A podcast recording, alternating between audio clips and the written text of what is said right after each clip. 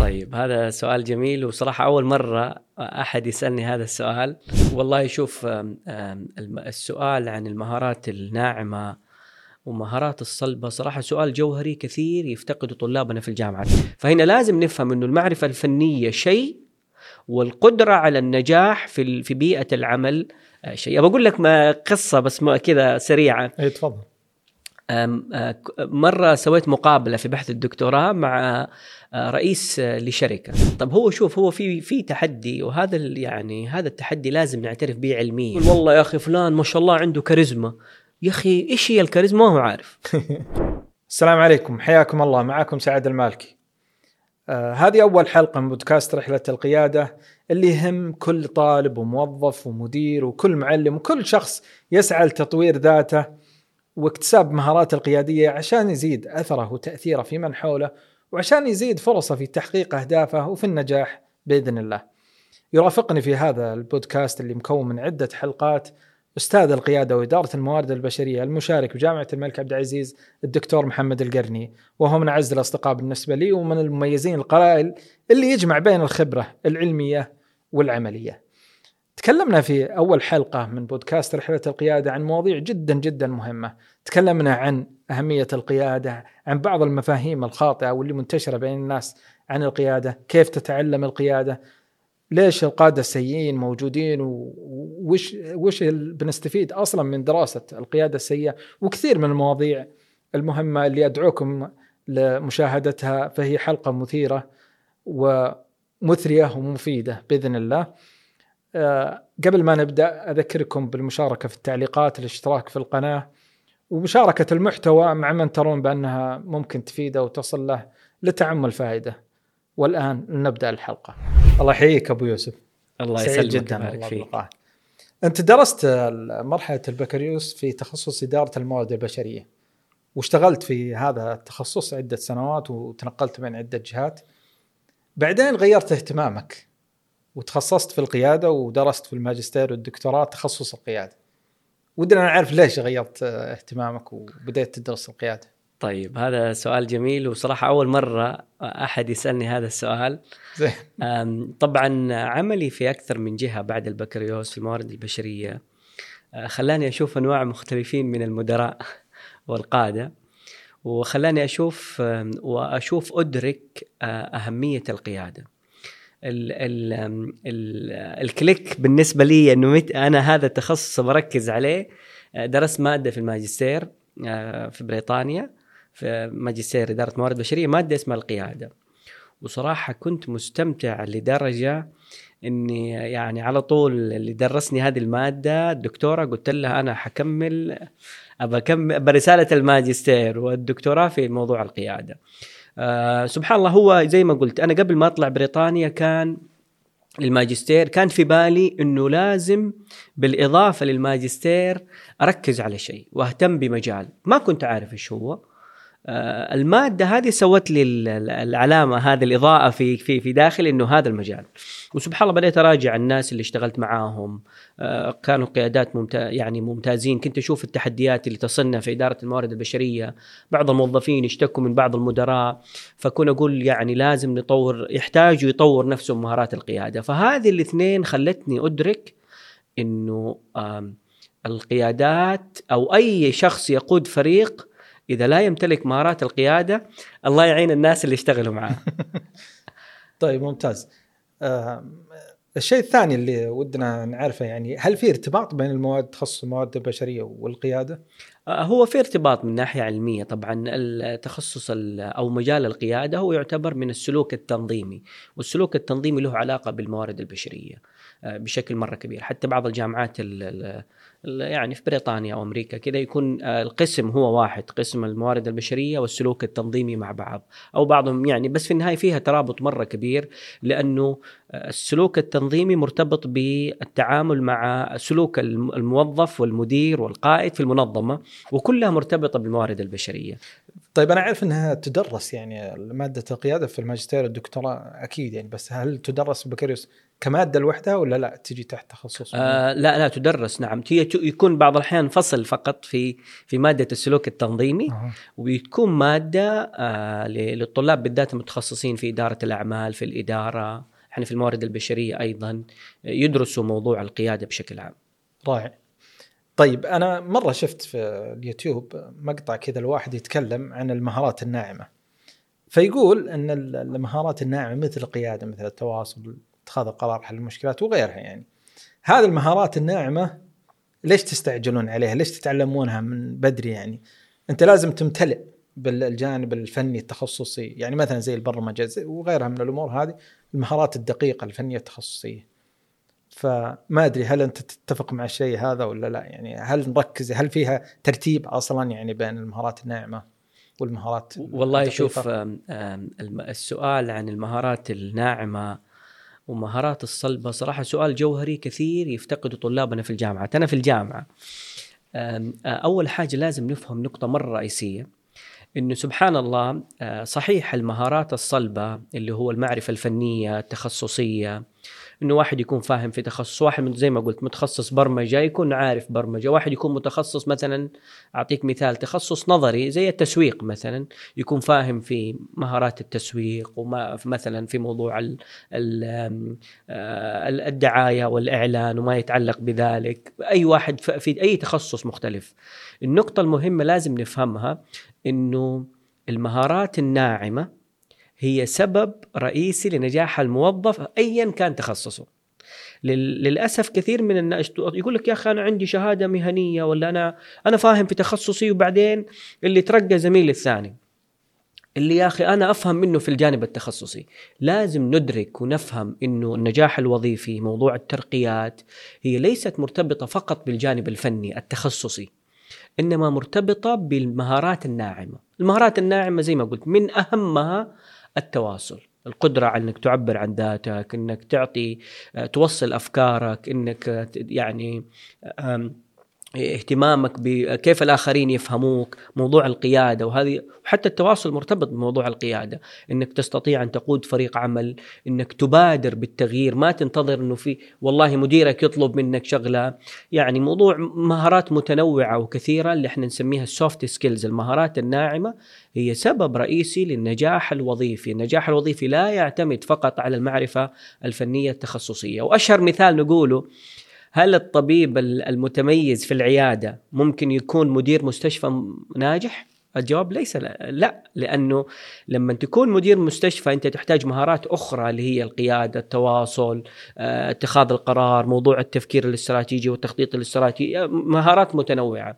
فهنا لازم نفهم إنه المعرفة الفنية شيء والقدرة على النجاح في بيئة العمل شيء. بقول لك ما قصة بس كذا سريعة. اي تفضل. مرة سويت مقابلة في بحث الدكتوراه مع رئيس لشركة CEO و president يعني رئيس تنفيذي لشركة وأيضا هو رئيس الشركة قال لي مقولة جميلة إذا تسمح لي أقولها بالإنجليزي بعدين أقولها بالعربي أكيد. أكيد. قال لي we hire people for their competencies and we fire them for their attitude كان يقول إنه إحنا نوظف الناس بناء على معرفتهم الفنية والتخصصية اللي هي الجدارات ها؟ لكن للأسف نفصلهم بسبب تعامله مع الآخرين والتعامل مبني على المهارات الناعمة. يكون واحد فاهم في التخصص لكنه مشكلة مع فلان منعزل عن فريق العمل صراعات مع الزملاء وهذه كلها تعتمد على المهارات الفنية. ممتاز. يعني أنا أتفق معك صراحة في النقطة هذه إنه ما في أصلا أي تعارض بين إنك تتعلم مهارات الناعمة والمهارات التخصصية. أنت ممكن من البداية أصلا تتعلم مهارات الناعمة. يمكن أنت زي ما تعرف يا أبو يوسف الواحد من صغره أصلا يمارس القيادة يمارسها لما يتحمل مسؤوليه مثلا حتى عن تنظيف غرفته مثلا. لما يبادر يسوي مبادرة قيادية يقول للأولاد اللي معاه في الحارة مثلا خلينا نروح نلعب كورة. فهذه مبادرة يعني وفيها ممارسة قيادية. أنت أصلا من صغرك كنت تمارس القيادة حتى لو ما شعرت أنت بذلك. أهمية المهارات الناعمة أنا أشوف إنها تبدأ معك أصلا من الصغر وتستمر معك يعني المهارات التخصصية يمكن تاخذها مع الوقت فما في أي تعارض بينها بالعكس إحنا نجمع بين المهارات الناعمة والمهارات اللي ال soft skill وال hard skill. طيب الحين بعد ما يعني تكلمنا عن المهارات الناعمة والدقيقة وقلنا إن القيادة هي واحدة من المهارات الناعمة. يجي سؤال ليش أنا أصلا أتعلم القيادة؟ يعني في ناس كثير يقول لك القيادة يعني ميزة إضافية أوكي تعلمتها خير وبركه ما تعلمتها ما تفرق يعني. هل هذا الشيء صحيح؟ وش أهمية تعلم القيادة؟ خليني أجاوب على سؤالك بنقطة مرة مهمة، أول حاجة لازم نفهم إنه مو شرط كل الناس لازم يصيروا قادة. آه، لأنه طبيعي جدا إنه نسبة القادة مقارنة ببقية الآخرين هي أقل يعني أقل بشكل عام، هذه النقطة لازم نشوفها، لكن إحنا نبغى واحد لما واحد يسمعني الآن يبغى يترقى في المناصب القيادية، يبغى يحصل على منصب أعلى، لازم نجاوب لازم يفهم نقطة إنه تطوير مهارات القيادة من من وقت مبكر. ابى أقول لك موقف. آه، مرة استضفنا في الجامعة آه، أحد قيادات شريك أحد الشركات اللي هي يونيليفر، يونيليفر من الشركات الكبرى العالمية. آه، سئل سؤال طبعا كانوا أغلب الحاضرين هم طلاب من كلية الهندسة. ما هي أهم الصفات اللي تنظروا فيها للخريج؟ اللي دوبه تخرج عشان يتوظف عندكم في شركة عالمية مميزة. طبعا قال القيادة. وقال كلمة جميلة هنا وأنا بقولها. إنه لما إحنا نجيب واحد عنده مهارات القيادة آه ولو بشكل. يعني طالب لسه دوبه خريج بشكل مبتدئ آه إحنا كثير من المهام العمل تتطلب واحد يبادر ما ينتظر المدير يقول له يعطي أمر نفذ ولا ما تنفذ تتطلب واحد يحل مشكلة طبيعي أي موظف في حياته اليومية يمر بمشاكل. هل يقف يعجز أمامه؟ لا يحاول أن يبادر أن يحاول يحل المشكلة. أيضا تتطلب موضوع القيادة فيها فيها يقول عملنا متطلب باحتكاك بعملاء احتكاك بموردين احتكاك بجهات أخرى. فواحد يؤثر عليهم وأيضا القيادة فيها تأثير. آه، فهذا يمكن بس كذا جزء بسيط. بجاوب أيضا على سؤالك آه، الجميل هنا إنه ليش أنا مهم إني أتعلم مهارات القيادة؟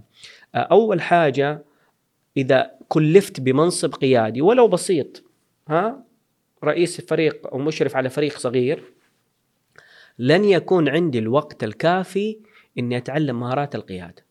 لما أنا الآن كلفت بمنصب قيادي ولو بسيط الناس تنتظر مني الفريق ينتظر مني تعامل آه، راقي ينتظر مني تحفيز ينتظر مني اللي هي ممارسات القيادة. الشركة أو المنظمه اللي وظفتني تنتظر مني نتائج تنتظر مني نجاح في عملي كقائد للفريق. فهذه طبعا جون ماكسويل من أشهر كتاب القيادة يقول إذا وصلت لمنصب القيادي لن يكون لديك الوقت الكافي لتعلم مهارات القيادة. ف وأيضا نقطة مهمة الأشخاص اللي عنده مهارات القيادة حتى ممكن من المقابله الشخصية. يعني موضوع التواصل مرتبط بالقيادة بشكل كبير لكن في أشياء معينة بثقتك بنفسك آه، يعني ممكن تسأل في مقابلة هل سبق إنك أنت قدت فريق عمل وحققت نجاح نتائج؟ حتى لو أنت طالب في الجامعة وطالبة في الجامعة آه، في في نادي تطوعي في نادي أنشطة لا صفية هذه هذه ترى تصقل مهارات الإنسان إنه يمتلك هذه المهارات القيادية وتظهر حتى في أسلوبه في كلامه في قدرته وأيضا تظهر في عمله. ممتاز. اذا يعني لو بنلخص الكلام نقول إن القيادة أمر مهم جدا يعني مهارة مهمة جدا. تتعلمها ليش؟ تتعلمها علشان التغيير والتطوير. تغير وتطور في المكان اللي أنت فيه. أه، تقود مبادرات قيادية. تحدث أثر وتأثير. تزيد فرصك حتى في تحقيق أهدافك وفي النجاح في الحياة. طيب أبو يوسف السؤال هو متى تطلق على فلان انه قائد يعني متى أقول يعني وش تعريف القيادة بالضبط؟ متى أقول إن فلان قائد؟ طب هو شوف هو في في تحدي وهذا يعني هذا التحدي لازم نعترف به علميا. يعني أنا من 2010 وخلاص كذا اتخذت قرار إنه هذا المجال اللي بركز فيه وأهتم فيه. ترى فكرة الأبيض والأسود إنه هذا قائد وهذا ما هو قائد للأسف كلنا نصدرها لكنها من ناحية علمية ترى صعب إن أقول هذا ما ينفع إنه يكون قائد ولا هذا قائد خلاص. فلا بوصل فكرة إنه فكرة الحكم السريع على الشخص إنه هذا قائد ولا هذا ما هو قائد هذا فيه تحدي. لأنه أنا بناء على إيش فسرت إنه هذا غير قائد ولا هذا ما ينفع يكون قائد أو هذا قائد. بناء على تفسيري للقيادة. واللي انت سألت عنه ما هو تفسير القيادة؟ ما هو تعريف القيادة؟ طبعا التعريف كثيره العلمية وحتى الناس المهتمين. ببساطة أنا أقول لك إياها وبعدين بضرب لك مثال عشان نوضح الفكرة. في واحد أول حاجة هي عملية. وهذه نقطة مرة أساسية. إيش معنى عملية؟ يعني فيها مدخلات وفيها مخرجات. إيش معناها؟ معناها القائد لازم يقوم بعمل سلوك عملية من خلالها فرد ها اللي هو القائد يؤثر على مجموعة. لتحقيق هدف مشترك. يلا خلينا كده بس نفسر التعريف بشكل بسيط وبعدين أضرب لك مثال. عملية قلنا إنه في مدخلات وفي مخرجات. يقوم من خلالها فرد اللي هو القائد. بالتأثير هو التأثير هنا كلمة مرة مهمة. وهنا حتى بعدين نبى نعرف طب المدير هل المدير يأثر ولا ما يأثر؟ وإيش نوع التأثير اللي يقوم به المدير والتأثير اللي يقوم به القائد؟ على مجموعة اللي هو الفريق المجموعة الآخرين ليحقق هدف مشترك للمجموعة كلها. يعني أعطيك مثال بسيط. أنا مدير رئيس قسم في جهة حكومية ولا في شركة ولا في عندي خمسة ستة أشخاص تحتي أقودهم في كفريق. أن يقوم فرد بالعملية يقوم من خلال يقوم فرد بالتأثير على مجموعة لوصول لهدف مشترك أو لتحقيق هدف مشترك. أنا جالس أأثر على فريق العمل لتحقيق أهداف خاصة أو مجموعة للمش... للفريق بشكل عام. إيش معناها هنا؟ معناها نقطة كلمة عملية إنه لابد أن أقوم بسلوك بعض الأشخاص وهذا خطأ مشترك أنا أشوفه كثير في البرامج التدريبية اللي نقدمها إنه أنا كلفت إني أصير مدير خلاص أتوقع إنه كل الناس راح تشتغل وكل الناس أنا لابد إني أتحرك اللي مقفل عليه الباب ويتوقع إنه بالإيميلات فقط ها إنه كل الفريق يشتغل وكلهم متحفزين ومتحمسين. الواقع لا في واحد أعطيته شغلة أو مهمة ما أنجزها. في واحد تطارد وراه عشان ينجز المهمة. تيجي هنا بعد كذا مهارات القيادة كيف إنك تحفز الفريق كيف إنك تمكنه كيف إنك تنجز حتى وتحقق أهداف أكثر من المثال من اللي هو المثال اللي أبغى أقوله أنا هنا لو نفترضها واحد عنده مقهى ها ها طيب عنده مقهى وعنده ثلاثة ولا أربعة باريستا. طيب الآن إيش تحقيق إيش إيش ال ال ال قلنا من عملية من خلالها يقوم قائد. هذا القائد اللي هو يقود الباريستاز ها في هذا المقهى. طيب ممتاز. الآن اتفقنا إنه والله من بداية عملية القيادة مهم إنه كل واحد من الباريستا هذولا يعرف إيش بيحقق. يعرف إيش الهدف اللي بيحققه. والله بخدم الزبون أقدم له جو كفي بجودة عالية. والله حتى يرجع لي بعد كذا أتعامل معاه تعامل ممتاز. ففي أهداف بيحققها أهداف حتى ممكن تكون بيعية أهداف ممكن يكون والله إنه الزبون يرجع لنا مرة ثانية. هذا مؤشر أيضا لموضوع الهدف. طيب لتحقيق هدف مشترك الأهداف واضحة. وهذه دائما مؤشر من مؤشرات القائد الناجح هل الفريق اللي معاك يعرف إيش الهدف اللي بتحققه ولا لا؟ تتفاجأ آه، يا أبو فيصل إنه في أشخاص يعملوا في منظمة أو في جهة إنه لو تسألهم كل واحد عارف مهام ولا مهام شيء والاهداف شيء. ما هو عارف إحنا ليش نشتغل كمجموعة؟ أنا عارف مهامي بس مهامي مع مهام فلان مع مهام فلان ماذا تحقق من أهداف؟ للكفي هذا اللي قلنا مثال عنه أو للمنظمة أو للإدارة. فوضوح الهدف مرة مهم. نرجع للمثال الباريستا ولا فأنا ك ك يعني قائد لفريق الباريستاز هذولا آه، حد آه، جالس أتواصل معاهم جالس آه، يعني قريب منهم أشوف التحديات اللي يواجهوها بشكل كبير وفي نفس الوقت في أهداف محددة ينجزها إنه والله مثلا إنجاز إنك تسوي الطلب الأوردر في وقت محدد إنه ما يزيد عن وقت محدد تتعامل معاهم بشكل ممتاز. وهنا تدخل موضوع المهارات والسلوكيات بشكل عام. فإحنا بنقول ببساطة قائد شخص يؤثر على مجموعة. والتاثير في كلام كثير هنا ممكن ندخل فيه ليحقق هدف مشترك. إي ممتاز. يعني أضيف نقطة بس يعني لأني قرأت في تعريف هذا النورث هاوس. في كتاب القيادة الاداريه بين النظرية والتطبيق. كان يتكلم برضو عن موضوع عملية. لما قلت أنت عملية يقوم فيها فرد بالتأثير على مجموعة أفراد لتحقيق هدف مشترك. فهو كان يقول إن العملية برضو لها معاني ثانية بالإضافة اللي ذكرته إن العملية المقصود فيها إنها ما هي سمة للقائد ما هي صفة معينة. العملية المقصود فيها إن فيها تفاعل متبادل فيها تأثير متبادل. يعني ما يكفي إن القائد بس جالس يعطي اوردرز يعني للي تحته واللي تحته ينفذون لا هو ياخذ منهم ويعطيهم وهم يعطونه ونفس الشيء يعني يكون في تفاعل متبادل بالطرفين ممتاز يعني إحنا قلنا الحين إن التعريف إن القائد هو عملية القيادة هي عملية تأثير فرد في مجموعة أفراد عشان تحقيق هدف مشترك. أه، تسمح لي بس طيب بقول حاجة اتفضل. على أكيد على أكيد. هذا التعريف، طبعا هذا التعريف زي ما قلت ذكر نورث هاوث في كتابه اللي يعتبر أشهر كتاب في العالم لتدريس القيادة. يعني كثير من الجامعات تستخدم هذا الكتاب.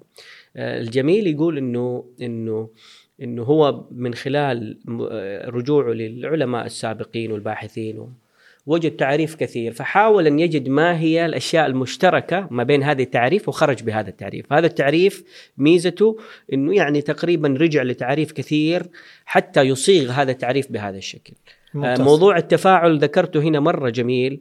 آه، بعض الأشخاص يعتبروا أن القائد هو يعني زي ما قلت يعطي أوامر وخلاص والناس تنفذ وهذا في الواقع لا. يجيني واحد ما يبغى يشتغل. أنا كيف أتفاعل معاك كقائد؟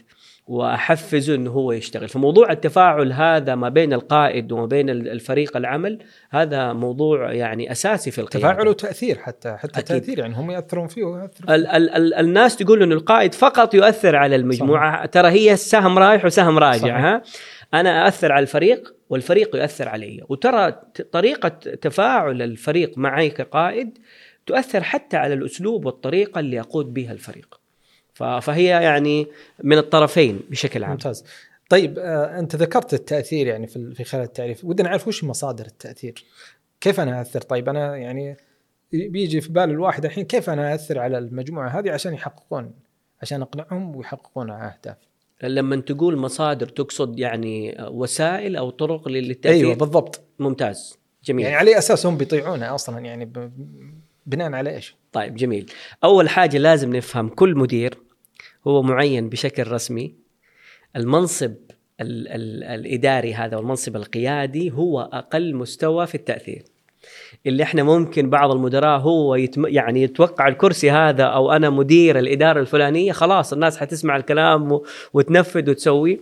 طبعا هو يعتبر من أقل المستويات. في كتاب جميل وأنصح بقراءته اسمه المستويات الخمسة للقيادة آه، مترجم في جرير للكاتب جون ماكس طبعا نتكلم عن خمسة مستويات إنه أقل مستوى هو المنصب. يعني الناس على قولهم تنفذ الأوامر أو تحقق أهداف العمل فقط لأنهم أنا المدير الرسمي آه، آه، بشكل عام. طبعا في وسائل أخرى لازم عشان أنا أتعدى وأخرج من إني مدير إلى اصير قائد أتعدى تأثير الكرسي المنصب. إيش ممكن أسوي؟ أول حاجة هنا طبعا في آه، وسائل مختلفة للتأثير. من من أهمها إنه أنا يكون عندي آه، آه، وهذا حتى جون ماكسويل قال المستوى الثاني إني أبني علاقة إيجابية علاقة رائعة بيني وبين الفريق. ترى ما نتوقع أول حاجة في مبدأ في القيادة لازم نعرفه leadership is about relationship. القيادة مبنية على العلاقة ما بيني وما بين الفريق.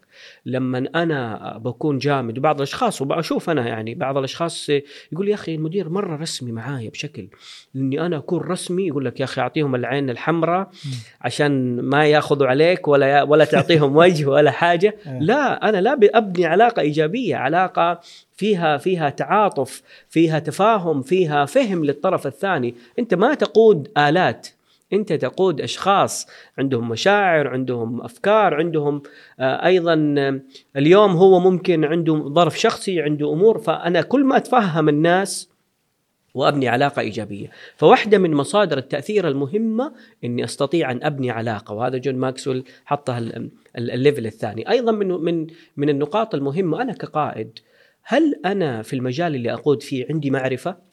المعرفة وامتلاك المعرفة والمعلومات المرتبطة بالعمل. يعني أنا مثلا مثلا أنا أقود في إدارة الموارد البشرية.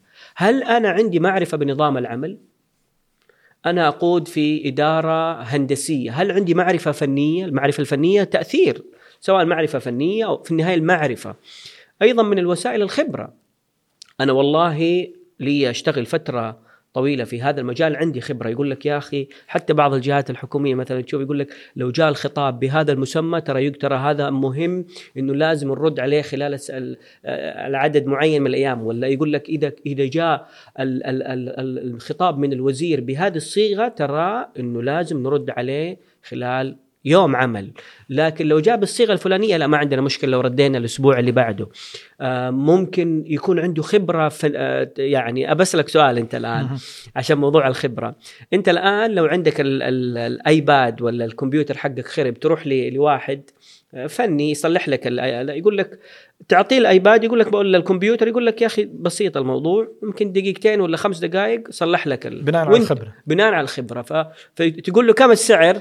يقول لك آه، 300 ريال. مهم. تقول له 300 ريال عشان خمسة دقائق أنت ما تدفع له صحيح. لقيمة ال- ال- الخمسة دقائق أنت تدفع له إنه هو امتلك خبرات كبيرة استطاع أن يحل المشكلة هذه اللي أنت جلست عليها أيام في خلال خمسة دقائق فالقائد اللي يمتلك خبرة في آه، في التعامل مع الجهات في التعامل مع الأشخاص في الجوانب الفنية التخصصية أيضا وسيلة وسيلة تأثير. طبعا عشان برضو ما يصير في سوء فهم هنا لازم نعرف آه، ممكن نعلق على هذا الموضوع لاحقا إنه هل القائد في المستويات العليا يحتاج المعرفة الفنية التخصصية؟ سؤال مرة مهم. جدا. هل هل وزير الصحة لازم يكون من من آه، من في القطاع الصحي طبيب ولا ولا ممرض ولا. هذا هذا مرة سؤال مهم. طبعا إحنا طيب خلينا نتدرج شوي في الأسئلة وبنجي للسؤال هذا. طيب بس بقول حاجة سريعة. كل ما نطلع في السلم القيادي كل ما نحتاج المهارات القيادية أكثر ونحتاج المهارات الفنية أقل. ممتاز. واصلا بسألك أنا السؤال يعني ما ما غاب عني. طيب أنا يعني خلني يعني آخذ مدخل في بداية الأسئلة هذه. في مفاهيم كثيرة منتشرة خاطئة جدا عن القيادة. ودنا نصحح هذه المفاهيم ونوضحها ونخليها يعني يعني نحط النقاط على الحروف. واحد من المفاهيم هذه اللي منتشرة مرة في الواتساب في كل مكان الفرق بين القائد والمدير وهل هذا جيد وهل هذا سيء. واصلا وش هو القائد؟ يعني هل هو شخص كذا يعني وهذا المدير شخص ثاني ولا هو نفسه؟ يعني هذا المدير ممكن يكون قائد ومدير. ودنا توضح لنا الفرق هذا. طيب هذه جداً صراحة من من أكثر ال ال الرسائل تجيك رسائل واتساب واتساب بعض الأحيان مزعجة. بقول لك حاجة مزعجة وصلتني مرة. واحد شخص لطيف بحسن نية أرسل لي مقطع أرسل لي صورة. الصورة شفت أفلام كرتون اللي هو الشيطان ها؟ اللي باللون الأحمر كذا و... إيه. وبعدين مكتوب تحته المدير. وبعدين شفت الأفلام كرتون برضو الملائكة اللي فوق دويرة إيه، هذا صحيح إيه؟ صحيح. هذا مكتوب القائد. وبعدين بدأ يقارن بين القائد والمدير. خطأ خطأ. يعني أول حاجة لازم نفهم هذه معلومة مرة مهمة إنه أي منظمة تحتاج قائد وتحتاج مدير. تحتاج القادة وتحتاج المدراء. وما في منظمة ناجحة من بدون مدراء فاعلين ومنتجين بشكل عام. فلازم نفهم إنه التقليل من شأن المدير و و ورفع قيمة القائد هذا مفهوم خاطئ أصلا لأنه كلنا نحتاج الاثنين.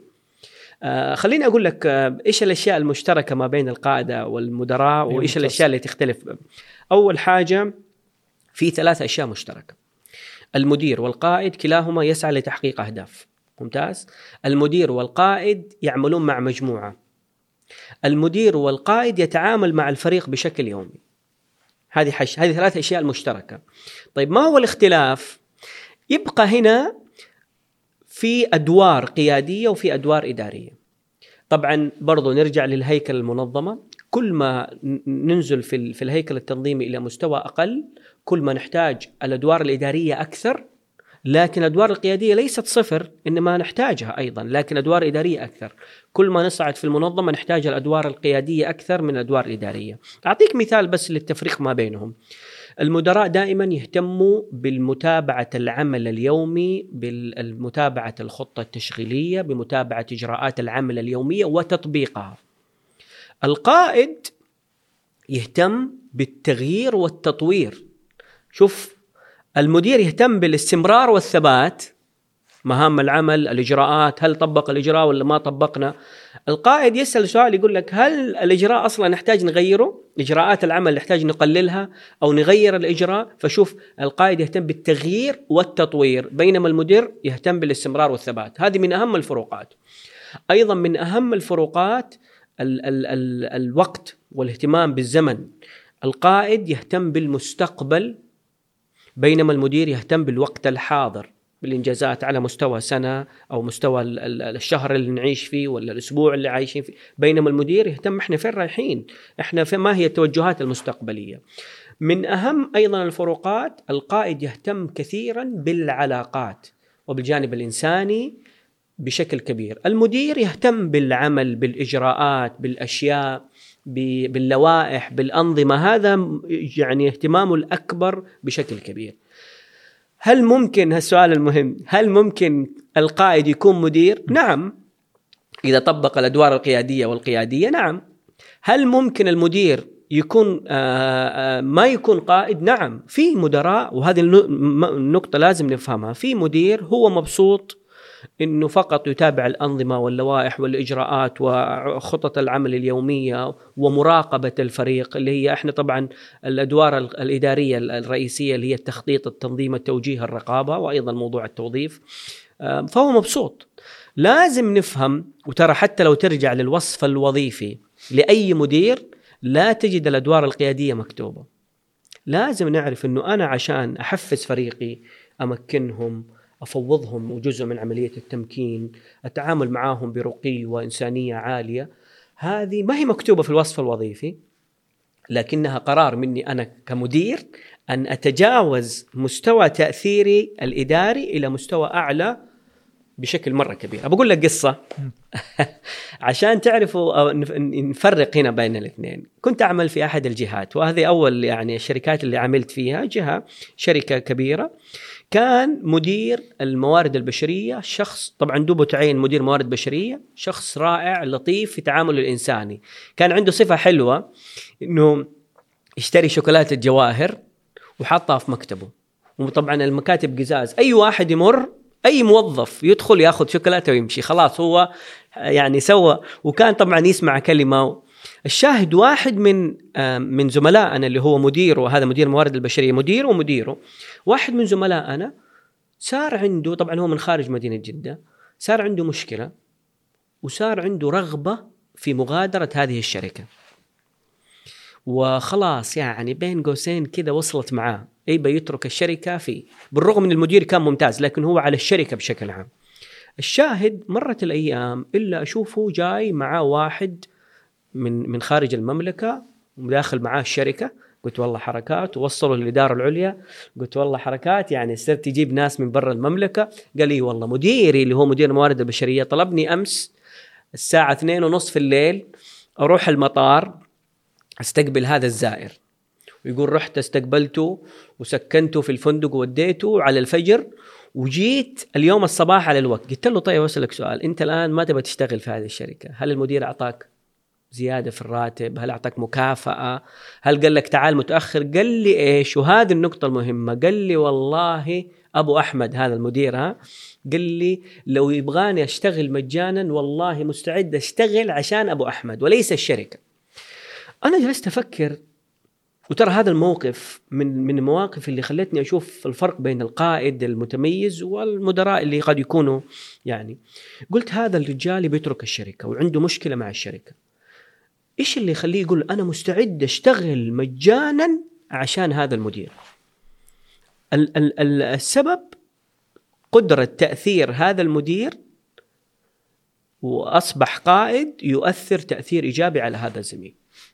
فقلت إيش سوى هذا المدير يعني؟ اللي سواه إنه بنى علاقة إيجابية، تفهم احتياجات هذا الزملاء، مكنهم، طور أشياء كثير ممكن يسويها القائد. فصراحة هذا الموقف يبين لنا إنه تأثير القائد يتعدى المنصب إلى مستوى تأثير عالي إنه الناس يكونوا متحمسين للعمل. وهذا تعريف آخر بقوله ذكروه كوزز وبوسنر من من علماء القيادة عندهم كتاب جميل اسمه تحديات القيادة. يقولوا انه إنه فن أول حاجة القيادة هي فن يعني التأثير في الآخرين بشكل عام إنك تزرع في داخلهم رغبة ملحة للعمل. إنه هو منطلق من دون ما يا فلان والله ما قصرت يا فلان المهمة الفلانية.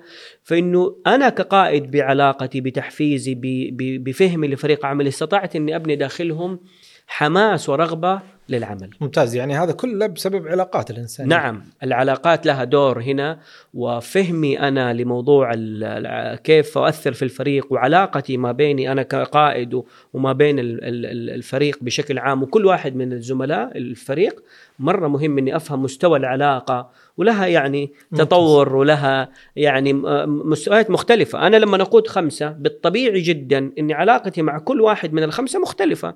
في واحد علاقتي مرة قوية وفي علاقتي منخفضة وعلاقتي متوسطة. في واحد للأسف بعض الأحيان يكون في علاقة فيها مشكلة أصلا ممتاز. بشكل عام. يعني واضح الفرق بينهم القيادة والإدارة. ويمكن أنا برضو أضيف على كلامك انه نفس الشخص ممكن يمارس أدوار إدارية ويمارس أدوار قيادية. يعني إذا كان عنده منصب معين مثلا. نرجع على ال- المثال الكافي اللي أنت قلته. فإذا قلنا إن مثلا الحين إذا جاء يمارس أدوار قيادية هو صاحب الكافي هذا فهو يتكلم عن المستقبل يتكلم عن الرؤيه إن إحنا نبغى الكافي هذا يكون أحسن كافي مثلا في مدينة جدة. ممتاز. فهو يحط رؤية يقنع ال- الآخرين يحشدهم يحفزهم. فهو قاعد يمارس علاقات إنسانية معهم بالطريقة هذه هو قاعد يمارس أدوار قيادية. بس نفس الشخص نفسه الحين يجي مثلا في يعني في وقت ثاني بنفس اليوم يشتغل في إيش؟ ال- الأدوار الإدارية التخطيط التنظيم التوجيه الرقابة حل المشكلات. التوظيف يعني كل هذه الأشياء اللي أنت ذكرتها اللي هي وظائف الإدارة الرئيسية. فلما يجي يكلمهم عن نبغى ننجز العمل اليومي نبغى نتبع النظام ال procedure ال- ال- ال process اللي عندنا هذه الأشياء الإجراءات العمل هذه فهو قاعد إيش؟ يطبق أدوار إدارية. ممتاز. طيب أنا سؤالي الحين ماذا لو يعني نفس الشخص هذا مال لكفة من الكفة يعني مثلا خلينا نقول صار مرة قيادي بزيادة وأدوار قيادية وترك وأهمل الأدوار الاداريه أو صار مرة مدير مدير يعني ويطبق كل الأدوار الاداريه وأهمل القيادة. وش ممكن يصير؟ ودي تكلمنا عن ذي وذي. طيب خلينا خلينا نبدأ بالثانية اللي قلتها. لو أنا مدير طبقت فقط الأدوار الإدارية دون الاهتمام بالأدوار القيادية. موضوع إني أكون قدوة في سلوكي وعملي موضوع التحفيز تمكين الفريق حل مشكلاتهم لو عنده مشاكل حتى يعني قد تكون بعض الأحيان تتعدى موضوع العمل. هذه أدوار قيادية ها فين رايحين؟ وتوجهنا المستقبلي. أول حاجة لازم نعرف إنه مستوى تأثيره سيكون محدود. محدود بصلاحيات المدير. اللي في العمل. صلاحياتي إني أعطي آه، مكافأة نهاية السنة. ما أقدر أعطي طب الشهر إحنا لسه على شهر واحد ها؟ شهر واحد ابى اعطي له مكافأة ما أقدر. ما أقدر أعطي له لين نهاية السنة. ف آه، طب صلاحياتي أنا كمدير انه والله آه، لا لا قدر الله أخصم على الموظف. ما أقدر أخصم على الموظف إلا في لوائح وإجراءات أتبعها. فأنا محدود بصلاحيات وبسياسات خاصة بالمنظمة اللي أشتغل فيها. فتأثيري محدود.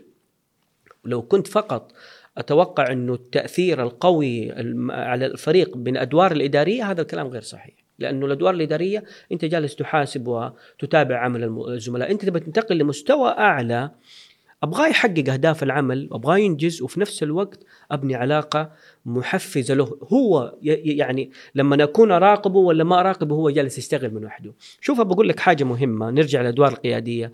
الأدوار القيادية لما يكون قائد مؤثر ترى يبني في في فريق العمل حافز داخلي للعمل آه، بعض المدراء يقول لك يا أخي وأنا أشوفها أنا بنقدم دورات تدريبية لجهات مختلفة يقول لك يا أخي ما عندي مكافآت ولا أقدر أعطي حتى خارج دوام ولا أقدر أعطي لأنك انت اعتمدت في أسلوب إدارتك على المحفز الخارجي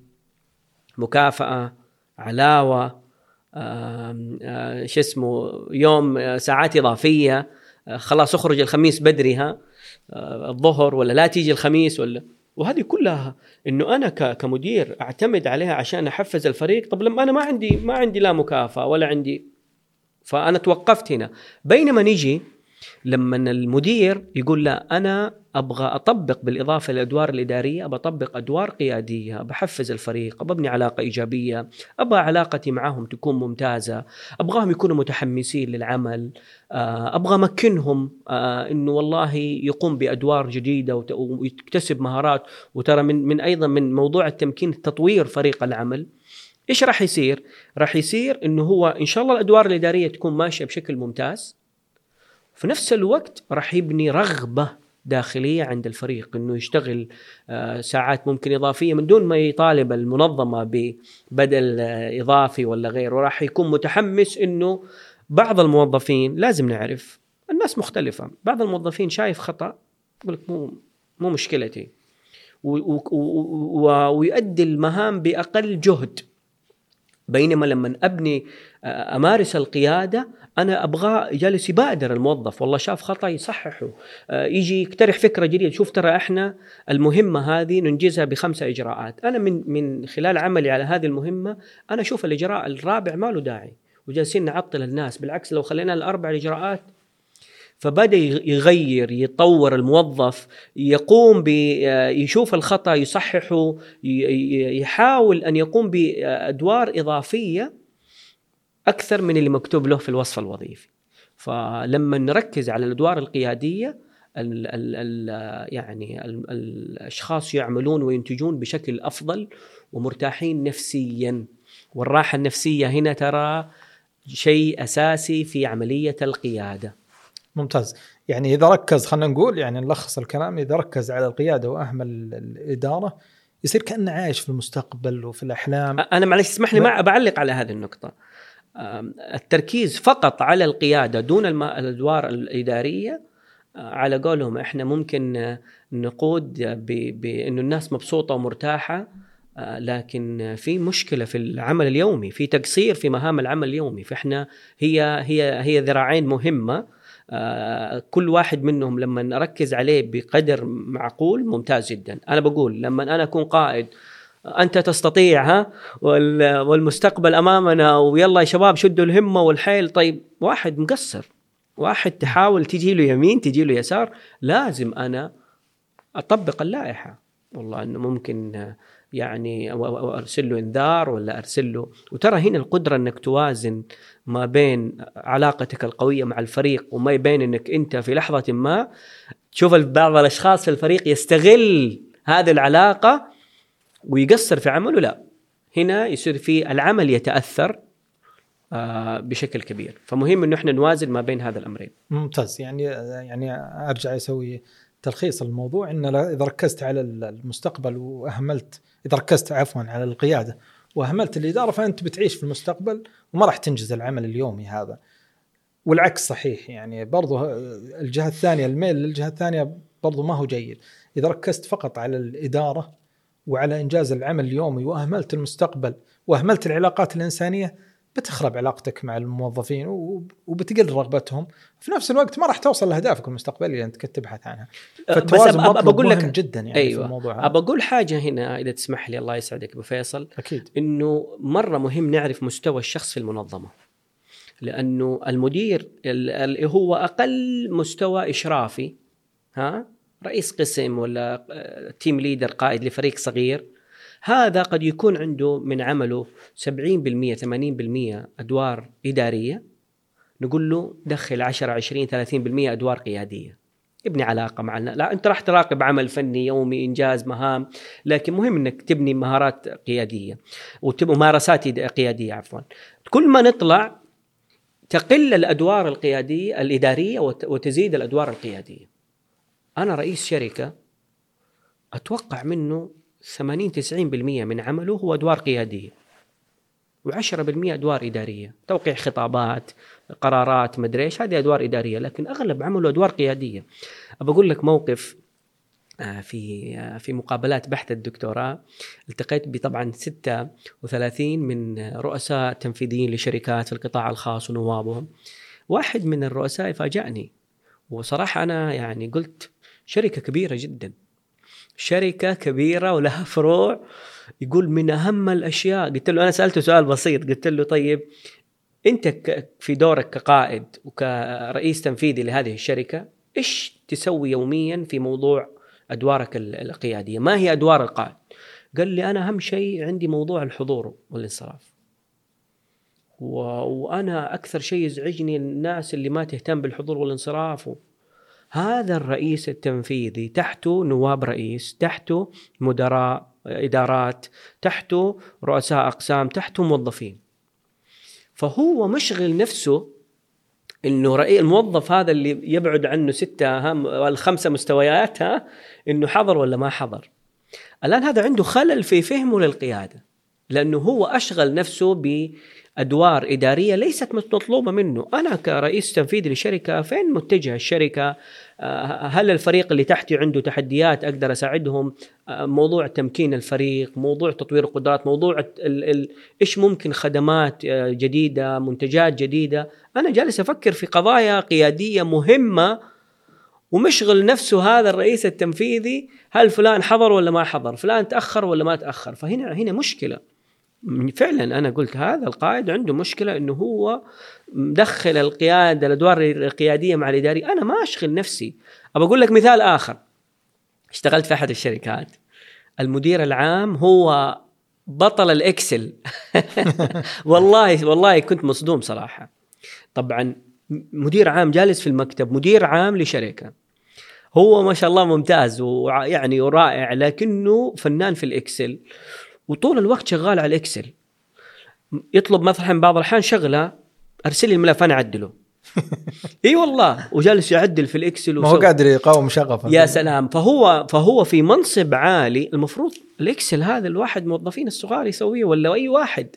فهو أشغل نفسه في أدوار مهام ليست مهامه وقد تكون مرتبطة بالجانب الإداري والأدوار الإدارية. فلازم نفهم أنه ليس وهذا يجينا لنقطة مرة مهمة ليس كل من هو في منصب قيادي هو يمارس القيادة. هذه قاعدة لازم نفهمها. وفي أشخاص ليس لديهم منصب لكن قيادي لكنهم يمارسون أدوار القيادية. ممتاز ممتاز. يعني واضحة هذه. طيب في واحدة من النقاط اللي مرة يعني خلينا نقول واحدة من المفاهيم اللي ودنا برضو نصححها قضية أن القادة هل هم آه، يعني يولدون بجينات آه، استثنائية ومواهب طبيعية فطرية. يعني هل هم قادة كذا من أول ما يولدون أصلا؟ ولا لا ممكن أتعلم القيادة؟ يعني ودنا نوضح الموضوع هذا يعني وش وش الصحيح في هذا الموضوع؟ طب انت مستعد؟ لأنه هذا موضوع ترى جدلي أكيد. من من من يعني من سنوات طويلة. حتى علماء القيادة هذا موضوع جدلي من أكثر المواضيع. طبعا أنا بقول لك حاجة. دائما في البرامج التدريبية اللي نقدمها أكثر سؤال يجيني هذا السؤال. هل القادة يولدون ولا القادة يصنعون ولا الفطرة ولا؟ أول حاجة آه، هذا السؤال شغل العلماء في القيادة. وحتى في علماء بحثوا موضوع هل هناك جينات مرتبطة إذا امتلكها الشخص يمتلك القيادة الإجابة لا. علميا. لا ي... طبعا آه، إلى اليوم يمكن سبحان الله. إلى اليوم لا يوجد جينات مرتبطة بالقيادة. إيش معنى هذا الكلام؟ وهذا الكلام مرة مهم. يعني لا يوجد جينات يورثها الأب القائد لابنه أو بنته مثلا إنه بما أنه أخذوا هذه الجينات سيكونوا قاده وهذا فعلا واقع. إحنا نعرف حتى في تاريخنا في قيادات آبائهم ما كانوا أشخاص معروفين ومؤثرين. وفي قيادات أبناء لهم لم يكونوا آه، قيادات زي آبائهم. فلازم نعرف طبعا هل في صفات فطرية مساعدة على القيادة؟ ليست القيادة. مساعدة على القيادة؟ نعم. يعني أعطيك مثال صفة الشجاعة. هذه صفة مو طبعا هي ليست القيادة الشجاعة ليست القيادة مختلفة ها؟ لكن هل القا... هل الشخص لو كان شجاع له علاقة بالقيادة؟ نعم. نقول القادة بالذات في المواقف الصعبة في التحديات يتصفوا بالشجاعة. لكن إذا ما اتصف بالشجاعة هل ما يقدر يكون قائد؟ لا. فلازم نفهم هذه النقطة فأول قاعدة نقولها طبعا مع العلم أنه ترى تفسير القيادة علمية بنظرية اسمها الرجل العظيم كانت تقول القيادة الفطرية إلى أن أتت النظرية السلوكية اللي قالت القيادة سلوك يمكن تعلمه ويمكن تطويره. وهذه النظرية غيرت مفهوم القيادة. أنا عارف كثير من الناس وإحنا ترى فطرتنا كبشر نميل أنه نصعب موضوع القيادة. ونميل إنه نبغى القاده القائد ال hero حتى اللي يسموها ال hero ها؟ اللي هو سوبرمان ولا مدري مين اللي غير العالم واللي غير هذه هذول قليل جدا من الناس اللي اللي استطاع إنه يعني آه اللي يغير في آه في آه في بيئته بشكل مرة كبير اللي هم حتى نسميهم القادة التحويليين هذول ترى قليل جدا. أغلب المنظمات بها قادة ممتازين رائعين. بعضهم بدأ بمنصب صغير موظف صغير وما كان يمتلك أي مهارات في القيادة مع الخبرة والتعلم والتطوير والتجارب. والتجارب مرة مهمة هنا. الأحداث الأخطاء اللي وقع فيها صنعت منه شخصية قيادية ممتازة. إيش نبغى نقول خلاصة الكلام؟ لا يوجد جينات فطرية تنتقل من الأب للأم من الأب والأم إلى الأبناء مرتبطة بالقيادة. هناك قد تكون صفات فطرية مساعدة على القيادة مثل الشجاعة مثل بعض الصفات حتى ما شاء الله يعني آه، مثلا مثلا حتى زمان كان ينظر لموضوع الذكاء. أيضا موضوع البنية الجسدية ها؟ حتى بعض الصفات بعض الدراسات القيادية من أوائل الدراسات الواحد اسمه ستوجل بدأ يبحث ما هي صفات القادة فكان الجسم له دور. لكن في النهاية في آه، قيادات مؤثرة آه، أقل ها جسما وأقل. فما فانا بقول حاجة مهمة التنشئة لها دور مرة كبير. تعزيز ثقة الأطفال بأنفسهم آه، البيئة اللي يعيش فيها الشخص. يعني مثلا واحد أبوه صاحب منصب قيادي كبير. وهو يحضر يشوف أبوه ما شاء الله دائما يتصدر المجالس. ها؟ أبوه في المجلس هو اللي يتكلم وهو شيخ قبيلة صاحب منصب عسكري ولا وزير ولا مسؤول رئيس شركة ولا أي أي منصب قيادي. ترى هذا له دور كبير في إنه يبني عند هذا الابن أو, أو, أو, أو هذا الطفل يبني عنده ترى مهارات القيادة. فالتنشئة لها مرة دور التجارب الخبرات اللي يعيشها الشخص في بناء آه يعني القدرات القيادية عند الشخص. فعلا حتى ذكروها النقطة هذه وارن بينيس وبيرت نانوس في كتابهم Leaders أو القادة قالوا أن التنشئة أهم حتى من السمات الفطرية في تحديد هل القائد بيصبح يعني ناجح ولا لا يعني هذه فعلا نقطة مهمة يمكن كثير ناس يركزون على السمات الفطرية المواهب الطبيعية بس ينسون التنشئة، التنشئة أمر مهم. ودنا يعني تكلمنا برضو عن النقطة هذه بشكل أكبر.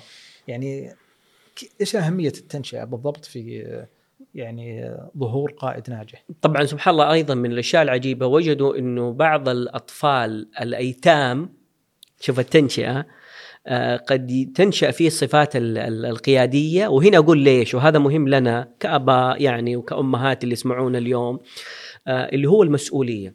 لأنه الطفل اليتيم يتحمل مسؤولية من من من آه، سواء فقد الأب أو الأم أو الاثنين لا قدر الله يتحمل مسؤولية بشكل أسرع من الطفل العادي.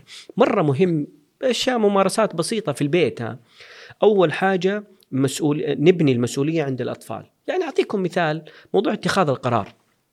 هذا أمر بسيط. بعض الآباء والأمهات ابنه ما يتخذ قرار ولا شيء حتى ملابسه. أنا لما أروح السوق ها.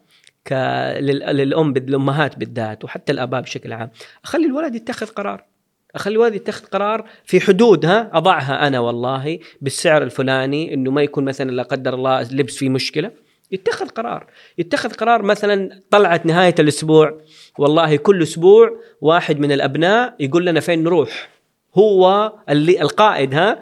يقول لنا اليوم فين حنروح آه، نهاية الأسبوع ها؟ الجمعة ولا السبت يعني نحروح تحمل مسؤولية نعم. أيضا موضوع الميزانية التحمل مسؤولية في الأموال. أنا أعطي له مثلا أبدأ تدريجيا مع الولد آه، أبدي أبني عنده مسؤولية إنه هو يكون مسؤول عن عن أموال. أعطي له مثلا مصروف ها؟ المصروف والله آه، حق يومين ثلاثة أيام. هل يقدر يوزع؟ ممكن يخطي طبيعي إحنا لازم نصبر حتى ننمي هذه المهارات. أعطيك مثال بسيط. وحتى تدري تدري موضوع ترتيب السرير هذا لما يقوم الطفل. تدري إنه في ناس سووا عليها دراسات؟ إيش تأثير إنه الطفل اللي يقوم يرتب سريره ويبنى فيه هذه العادة على نجاحه ال- ال- الوظيفي وعلى نجاحه إنه هو يكون عنده التزام يومي مسؤوليته إنه يعني يصحى من النوم يرتب سريره قبل ما يخرج من غرفته. إحنا نشوف بعض الأبناء أول ما يدخل ال- ال- يرجع من المدرسة آه الله يكرمك الجزمة فرده في مكان وفي مكان ثاني والشنطة مرمية وما أدري إيش كل وهذه مشكلة. لازم نبني عند الأبناء موضوع المسؤولية موضوع اتخاذ القرار. هذه الصفات البسيطة اللي إحنا ممارسات يومية بسيطة تبني فيهم تعزز أول حاجة. يمكن أضيف لك برضو القيم. نعم موضوع القيم له ارتباط بالقيادة والعلماء الغرب ها؟ اكتشفوا موضوع القيم وتأثيره على القائد بشكل مرة. جدا. يعني أنا أقول لك بس أقول لك موضوع القيم ارتباطه كبير بالقيادة. فإحنا نبني في أبنائنا هذه هذه الممارسات البسيطة اليومية اللي تعزز من بناء شخصيتهم حتى إن شاء الله نشوفهم قادة مؤثرين في المستقبل. بإذن الله. طيب واحد برضو من المفاهيم اللي منتشرة بين الناس ان أو خلينا نقول يعني صورة ذهنية. لما تقول الواحد قائد على طول يجي في باله مدير. رئيس شركة زي كذا يعني قائد جيش اللي هو يعني منصب معين مثلا وزير كذا يجي في باله هل هذا الربط صحيح؟ يعني هل لازم أكون عندي منصب عشان أكون قائد؟ مم. يمكن أنت ذكرتها في سياق كلام قبل شوي طبعا من هذا من يعني أكثر ولا أنا ممكن أمارس القيادة حتى لو ما كان عندي منصب ودي نوضح طيب هذه من أكثر المفاهيم الخاطئة عن القيادة منتشرة.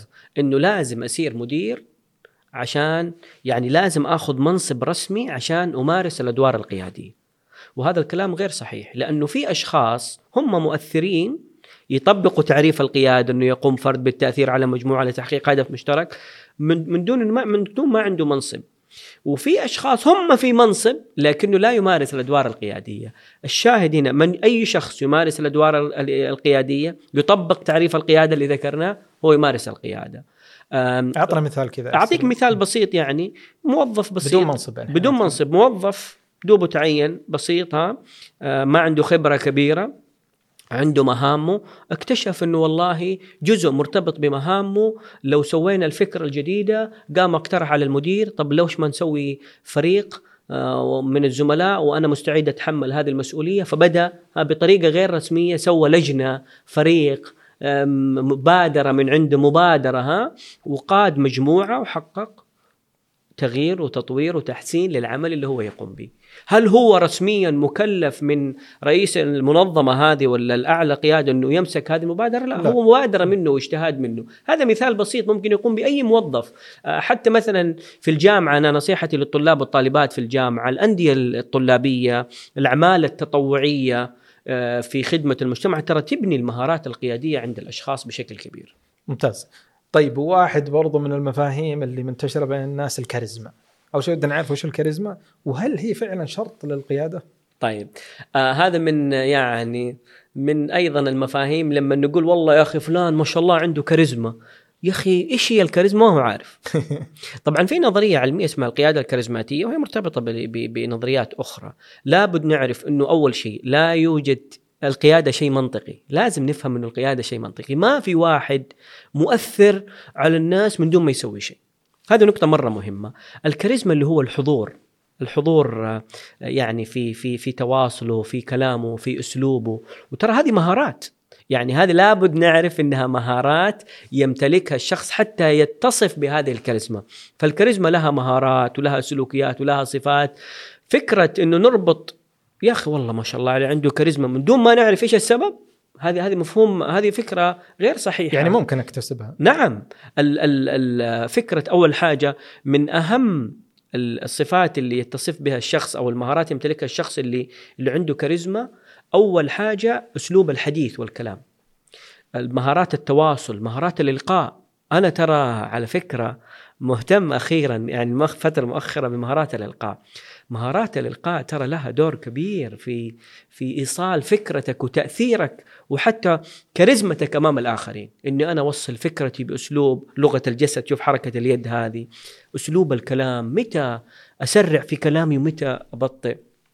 متى أرفع صوتي ومتى يعني أخفضه ترى هذه كلها تبني موضوع الحضور ال- ال- عند هذا الشخص حتى يكون عنده والله نقول يا أخي فلان عنده ما شاء الله كاريزما لما يتكلم أسلوبه جميل آه، لما يعني يتصرف تصرفاته وسلوكياته في العمل يا أخي ما شاء الله عليه حكيم يا أخي ما شاء الله هذه كلها تبنى مع الوقت ومع الخبرة وبالذات أنا أقول مهارات التواصل والإلقاء لها دور كبير في اكتساب الكاريزما طيب الشق الثاني هل هي شرط للقيادة؟ لا. هل الكاريزما شرط؟ ليست شرط مو شرط إنه واحد يكون متحدث ملهم عشان يكون قائد ناجح. مو شرط إنه يكون شخص كذا صاحب آه، يعني حضور متميز عشان يكون قائد. لكن إذا امتلكها سيمتلك مستوى أعلى من التأثير وهذا لازم نفهمه. هي الحروف حجت. حجت ها؟ إي حجت. جميل. آه، الحاء اللي هي؟ الحضور. الحضور هذا يصير بال يعني أو تكتسبه بالألقاء زي ما قلت. الجيم الجاذبية. الجاذبية يعني بالهندام ال- ال- الجيد أسلوبك في التواصل مع الناس. وآخر شيء التأثير. حضور وجاذبية والتأثير، التأثير تكلمنا عنه وقلنا مصادره قبل شوي. طيب ممتاز. يعني هذا واحد من خلينا نقول المفاهيم اللي برضو أزلنا عليها اللغط ووضحناها أكثر. في سؤال. الحين لو قلنا أن المدراء في مستويات معينة ويمكن أنت قبل شوي تطرقت له بس ودي يعني أوضحها بنسب يعني عشان تكون واضحة شوي. لو قلنا المدراء يعني صفوف أمامية مدراء آه، مستويات المتوسطة المستويات العليا.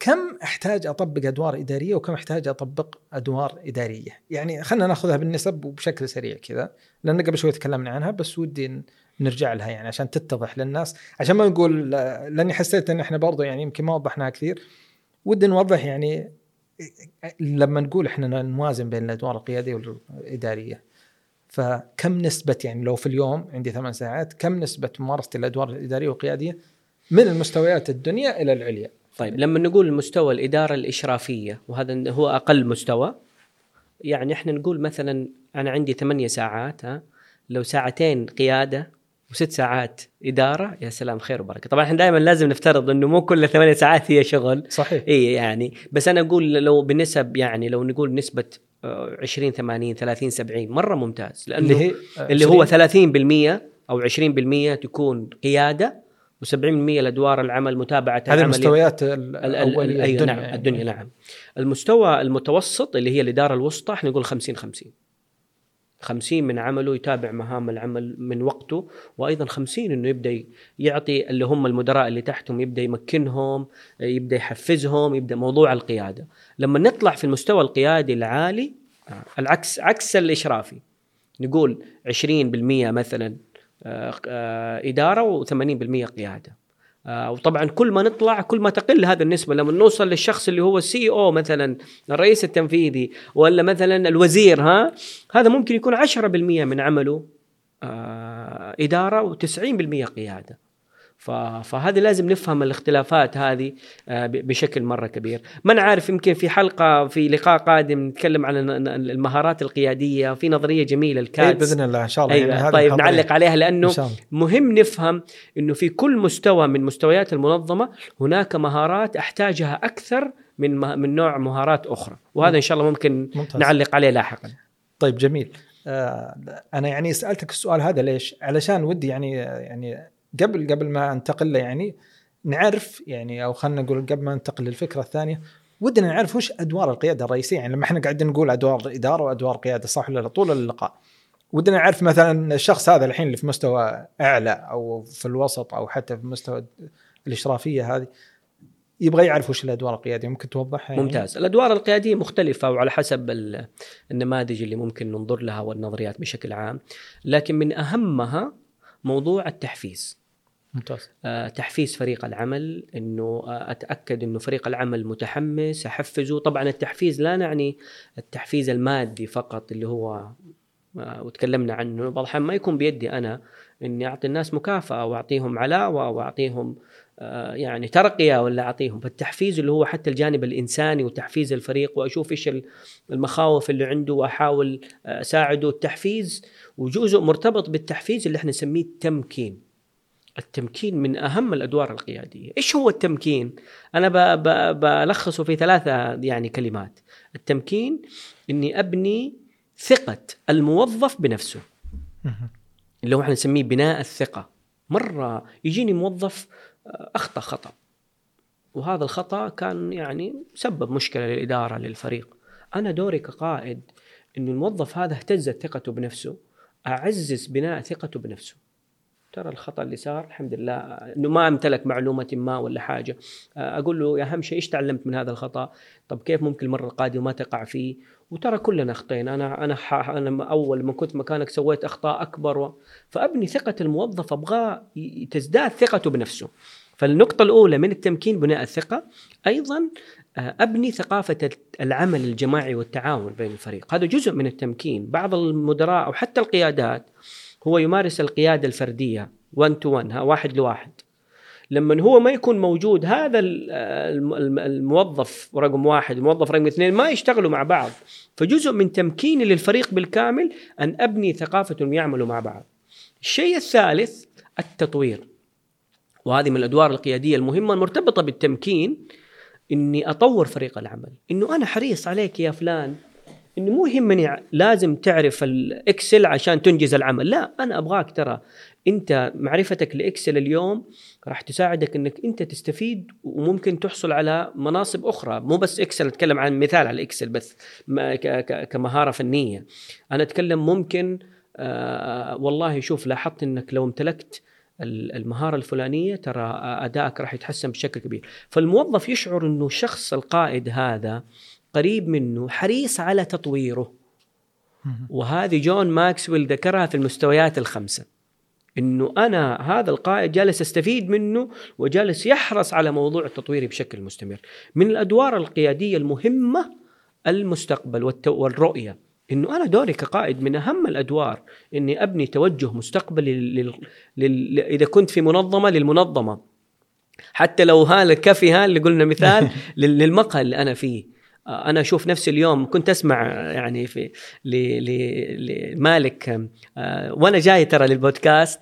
ما شاء الله تبارك الله الله يبارك لهم ويزيدهم. مقهى هاف مليون كمية السيارات الانتظار صراحة شيء أنا مبسوط منه.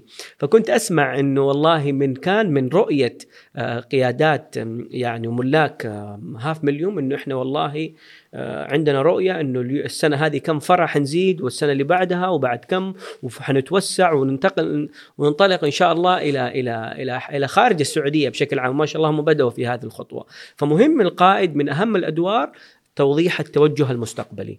أهم دور ونختم فيه هنا في موضوع الأدوار إنه القائد قدوة. إنه آه ترى هذا الدور اللي قد نظن ليس له علاقة بالقيادة وهو من أهم الأدوار. حتى يعني اثنين من علماء القيادة كوزيز وبوسنر في نموذجهم تحدي القيادة يقول هذه الممارسة أو الدور يعتبر يبنى عليه الأدوار الأخرى اللي هو إنه قدوة في سلوكه. قدوة في تصرفه. ابدا الناس ما تتأثر بواحد يقول كلام وهو أول واحد يخالفه. وسبحان الله هنا دائما أتذكر آه، لما كيف لما نقول قدوة أتذكر دائما سبحان الله كيف إنه النبي صلى الله عليه وسلم. وهو خير القادة إنه كيف كان آه، قبل البعثة يسمى الصادق الأمين. فكان قدوة في سلوكه.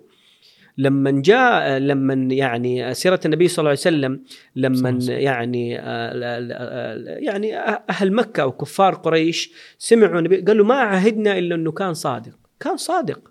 وهذا والقدوة هي مبنية على صفة المصداقية.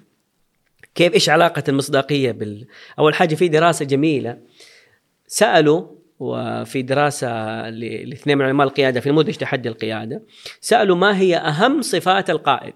ها؟ وما هي الصفة؟ طبعا وضعوا صفات مرة كثير. العجيب أنه كرروا هذه الدراسة خمس مرات على مدى سنوات ويكرروها كل فترة أنه وجدوا الصفة الأولى التي يطلبها الناس من القادة الصفة الأولى المصداقية. عشان كذا يقول لك النبي صلى الله عليه وسلم الصادق الأمين. سبحان الله حتى في العلاقات لما الشخص يحس إنه اللي قدامه ما هو صادق معاه ينفر منه ما يرتاح له لا يثق فيه. والثقة تبنى على المصداقية. فعشان اكون أكون صادق يا أخي حتى لو في كلام المرؤوس هذا الزميل ما ما يحب يسمعه لازم أكون صادق. أوصل لي بأسلوب لطيف. المصداقية لها دور مرة كبير في إنه القائد يكون صادق في سلوكه في عمله فلذلك هو قدوة ويعني آه، يطبق دور القدوة من دون أن يتكلف. هو صادق. إنه يشوف إنه هذا السلوك هو صح فالناس تتأثر بتصرف بسيط منك كقائد أكثر من ألف كلمة تقولها. ممتاز ممتاز. آه اذا يعني لو نلخصها التحفيز التمكين آه، وضع الرؤية وآخر شيء ذكرته اللي هو القدوة. القدوة. ومن ضمنها المصداقيه ممكن أضيف برضو لها التواصل وبناء العلاقات ممكن أضيف لها التغيير والتطوير المستمر ممكن آه، أضيف لها برضو من الأدوار القيادية المهمة التأثير والإلهام. فهذه ممكن خلينا نقول ثمانية يعني ممكن الحين مرة هي, هي شوف هنا تدخل تقريباً. إذا تسمح لي هنا تدخل المهارات مع الأدوار مع الصفات صحيح. وكلها مترابطة صراحة بشكل مرة يعني كبير كلها مترابطة فعلا فعلا طيب أنت ذكرت كذا في يعني في سياق كلامك أن هل في حاجة أصلا للقائد إنه يكون فاهم في التخصص الفني بس إن إحنا يعني تجاوزناها فودنا نرجع لها الحين هل في حاجة أصلا للقائد وخلينا ناخذها على المستويات طيب ممتاز. هذا سؤال مرة مهم وهذا سؤال يصير في جدل. مرة كنت في مع أحد الأصدقاء آه، كان يقول يا أخي آه، الوزير الفلاني يا أخي ما هو متخصص في الوزارة اللي يشتغل فيها، وزير الصحة مثلا الآن ليس متخصص في الوزارة اللي يشتغل فيها، لازم نعرف أول حاجة عشان نجاوب على هذا السؤال لازم نعرف مستوى القيادي. لما يكون قائد في مستوى آه، يعني إشرافي تحته مهندسين، واحد تحته مهندسين يقوم بعمل فني. هنا يكون مهم جدا ومن أسباب نجاحه الرئيسية إنه فاهم في العمل الفني متقن للعمل الفني. عشان أنا هراقب عمل ناس تحتي يقوم بعمل تخصصي عمل فني مهندسين أي وظيفة فأنا لازم أكون فاهم. فهنا مهم إنه يكون عم يعني عنده عنده نقطة قوة إنه فاهم في هذا المجال التخصصي الفني بشكل عام. وهنا تيجي التخصصات كلها المختلفة. كل ما نصعد في طبعا في الإدارة الوسطى نحتاج أيضا واحد فاهم في العمل الفني. لما نطلع للإدارة العليا مهم جدا إنه يكون القائد لديه المهارات القيادية أهم من من من المهارات الفنية وليس شرط إنه الوزير يكون متخصص في نفس مجال عمل وزارته.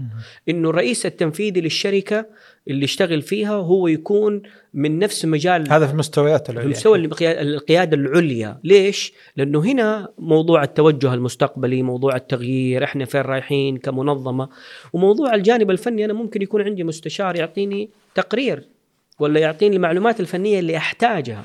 لكن لأنه إحنا إيش قلنا؟ شوف نربط بالأدوار لأنه طبيعة عمله 80 90% قيادة فما يحتاج إنه يدخل في التفاصيل الفنية. ولو احتاج حتى لو احتاج التفاصيل الفنية آه، ممكن عنده مستشار ممكن عنده تقرير من جهة من وهذا كان يذكر الله يرحمه الدكتور غازي القصيبي. يقول طبعا مسك وزير العمل وزير الصحة ومسك حتى مناصب قيادية. يقول أنا أتواصل مع مكتب استشاري يعطيني أحدث المعلومات في مجال التخصص اللي أنا فيه. لكن هو دوره وعمله اليومي مرتبط بالقيادة، فلازم نعرف عشان نقول هل يحتاج القائد إنه يكون عنده المعرفة الفنية التخصصية في مجال عمله؟ يخت... الإجابة على هذا السؤال على حسب المستوى، كل ما نصعد أعلى كل ما تقل الحاجة، كل ما ننزل في المستوى التنظيمي تزداد الحاجة اللي فاهم في التخصص. طيب في واحدة من النقاط برضو اللي ترن في راسي قبل شوي أنت ذكرتها بس يعني ودي أسألك عنها. أنت قلت إن الأدوار القيادية عادة ما تكون مكتوبة في الوصف الوظيفي يعني هذا فيما يخص ال HR ليش ما يكتبونها؟ يعني ليش ليش يتجاهلونها؟ بينما الأدوار الإدارية موجودة مكتوبة. إيش السبب؟ والله هذا شوف أنا متخصص HR ما عندي إجابة مباشرة عليه لأنه شوف في النهاية المنظمة دائما تسعى أهم شيء النتائج. والأهداف. فيقول لك أنا المدير هذا عشان مدير مثلا الاداره الفلانية يهم أهم شيء نراقب فريق عمل فيركزوا على موضوع التخطيط التنظيم التوجيه الرقابة اللي هي الأدوار الإدارية. ممكن تلاقيها في المهارات اللي يحتاجها هذا صاحب هذا الوصف الوظيفي إنه يحتاج مهارة القيادة. بس أنا يعني أتفق معاك إنه هنا إحنا ممكن وهذه رسالة لنا كمتخصصين في الموارد البشرية لمدراء ال HR إنه إنه يضيف الأدوار القيادية موضوع التحفيز موضوع التمكين موضوع التطوير. وأنا أرجع لمبدأ من مبادئ القيادة. القيادة هي اختيار.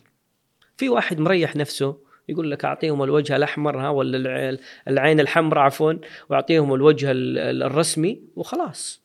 فهو هو مرتاح مع هذا الدور. هو لا يود أن يمارس الأدوار القيادية. قرار واختيار منه. لما يمارس الأدوار القيادية معناه حيبذل جهد أكبر. معناه لكن حيكون التأثير أكبر وحتى على الفريق على بيئة العمل على على نتائج العمل بشكل كبير. فهذه رسالة بالعكس أنا أقول ما عندي إجابة. رسالة إنه إحنا نضيف بعض السلوكيات والأدوار القيادية في الأوصاف الوظيفية. والله فعلا بالذات بالذات المستويات العليا يعني عشان ما يكون له عذر أصلا يعني. إذا انكتبت في الوصف الوظيفي فهو مطالب فيها. أتفق معك. طيب واحدة برضو من المفاهيم اللي ودنا نناقشها موضوع القيادة السيئة. يعني الحين نسمع لما يجي مثلا طاري هتلر أو غيره من القادة السيئين مثلا إنه يقولون له قائد. أو حتى جسم العصابات وغيرها يقولون قائد هذا اللي يقودهم قائد. هل هو صحيح إنه قائد؟ يعني لما نقول لأنك في التعريف أنت ذكرت قبل شوي ما قلت جيد وسيء أنت قلت قائد. فودنا نوضح في النقطة طيب أول حاجة هو قائد. نعم يعني نعم هو قائد؟ نعم قائد. يعني هتلر قائد وكان آه، خطبه ملهمة بشكل عام. آه، مهم إنه نرجع برضو للتعريف. اللي يطبق تعريف القيادة هو قائد. هنا يبدأ يصير وأنا يعني من التعريف الجميلة اللي أضافوها للقيادة آه، اللي هو كوزيز وبوسنر قالوا إنه أن يكون لدى ال- ال- الشخص رغبة ملحة. بعدين ذكروا نقطة في التعريف إنه في لتحقيق الصالح العام. أها. فقالوا إحنا بنضيف هذا الجزء إنه إنه ما يسعوا لا قدر الله لفساد أو لا ما يسعوا لتحقيق مصالح شخصية بطريقة غير نظامية. فهنا موضوع القيادة السيئة للأسف. في أشخاص آه، يسعوا لتحقيق مكاسب شخصية يشتغل في منظمة وممكن يختلس بطريقة غير مباشرة ممكن آه، لا قدر الله يعني آه، يستغل نفوذه لتحقيق مكاسب أو أهداف شخصية. وهذه مشكلة صراحة مشكلة مرة كبيرة إنه إنه إنه القيادات السيئة موجودة.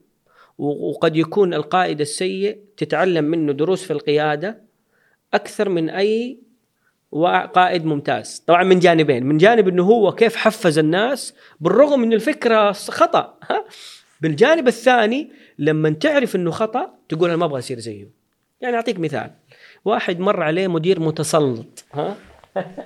مدير متسلط قائد في منصب قيادي قد يكون قائد لكنه متسلط ومركزي وطفش الناس. فيقول أنا لما اصير مدير ولا مسؤول عن فريق ولا قائد أنا ما أبغى اصير كذا. فتلاقيه يمكن يبدأ يعطي الفريق. فالقيادة السيئة طبعا علميا وجدوا إنه آه، صار في اهتمام بموضوع القيادة السيئة. لأنه تلاقي أغلب النظريات والدراسات والكتب تركز على القيادة الإيجابية الناجحة. ففي اهتمام بموضوع الآن مؤخرا في آه، في دراسات آه، ما هي ما هي ممارسات القيادة السيئة. إيش ممكن نستفيد طيب من دراسه؟ وأبى أقول لك واحد من طلابي في الماجستير سوى دراسة. آه، دراسة جميلة على ممتاز. ما هي ممارسات القيادة السيئة. طبعا هو ما راح قال للناس انت قائد سيء راح سأل ال- الأشخاص ما هي الممارسات لو ال- القادة قام بها آه، تؤثر سلبا على أدائك وعلى حافزيتك. يعني موضوع التسلط. التسلط والمبالغة في في مراقبة العمل. ال- الإنسان ما يحب إنه يشعر إنه مراقب. كل شوية المدير داخل على إيش تسوي؟ ياهو يعني أعطيني المهمة وسيبني وأنجز لك المهمة المركزية العالية ما تتخذ ولا قرار ولا تسوي أي حاجة لما ترجع لي. طبعا في مرحلة ما ممكن أنا كقائد أكون مركزي يعني وقت الأزمة هذا لازم أكون مركزي.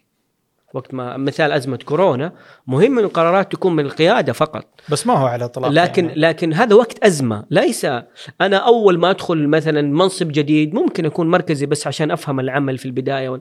لكن الأصل أنا دوري كقائد إنه مكن الفريق. فموضوع التعلم من القيادة السيئة نرجع إيه، للدراسة إيش هذه. تستفيد؟ ما إيش أيوه أيوه. تستفيد؟ منه؟ نستفيد إنه إحنا ما نصير زيهم. ونستفيد إنه ممكن القائد يمتلك صفات ومهارات محفزة للأشخاص إنهم آه، يقوموا بعمل خاطئ وهذا ترى الاتباع هو فطرة عند الناس وأنا مرة كنت أشوف فيلم وثائقي على بعض. بعض الجماعات الدينية في أمريكا كيف واحد كان سوى جماعة دينية وشوية خلاهم يشيلوا ال- الأسلحة ضد ال... ال... كيف استطاع إنه يغير وي... ويحفزهم انه إنه الفكرة اللي عنده صح مع إنها الإنسان العاقل يقول إنها خطأ. فترى امتلاك مهارات التأثير الإلقاء التحفيز آه، ملامسة المشاعر وهنا يدخل موضوع الذكاء العاطفي. ترى آه، تخلي الواحد على قولهم الشخص يقل يعني يغير الحقائق ويكون مؤثر بشكل عام. ممتاز. أنا يمكن أضيف بعض نقطة مهمة. ليش أصلا ندرس القيادة السيئة؟ ممكن عشان يتنبهون هذا القائد السيء، ترى في ناس ما يعرف يعني ما عنده وعي أصلا في الموضوع هذا، ويتوقع زي ما ذكرت أنت إن الشدة يمكن انها هذا شيء زين ورهم العين الحمراء فبيمشون يعني على الصراط المستقيم وكذا. طيب ودنا نختم الحلقة بسؤال يعني. وش أثر القيادة سواء سلبا أو ايجابا؟ على الفريق والمنظمة؟ يعني ودنا نتكلم في الثنتين. طيب خلينا نبدأ على المنظمة بشكل عام وبعدين على الفريق وبعدين ندخل على الفرد عشان الموظف نفسه. طيب على المنظمة دائما القادة لما يكون في المنظمة في قادة ناجحين مؤثرين سبحان الله كيف ال- المنظمة قد تكون من مستوى إنها تخرج من السوق أو آه، إذا كانت شركة تجارية أو إنه والله جهة مثلا آه، وزارة هيئة أي جهة حكومية قد يكون ادائها ضعيف إلى ادائها متميز جدا.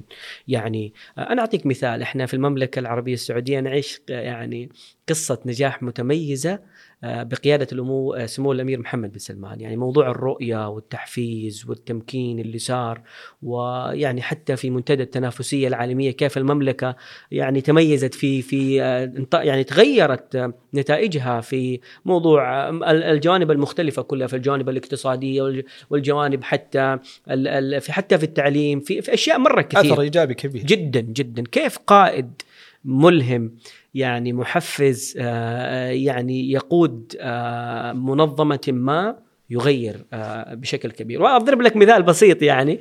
شفت أول ما طلع smartphone نوكيا وسامسونج. شوف سبحان الله كيف. هذا تحدي ها؟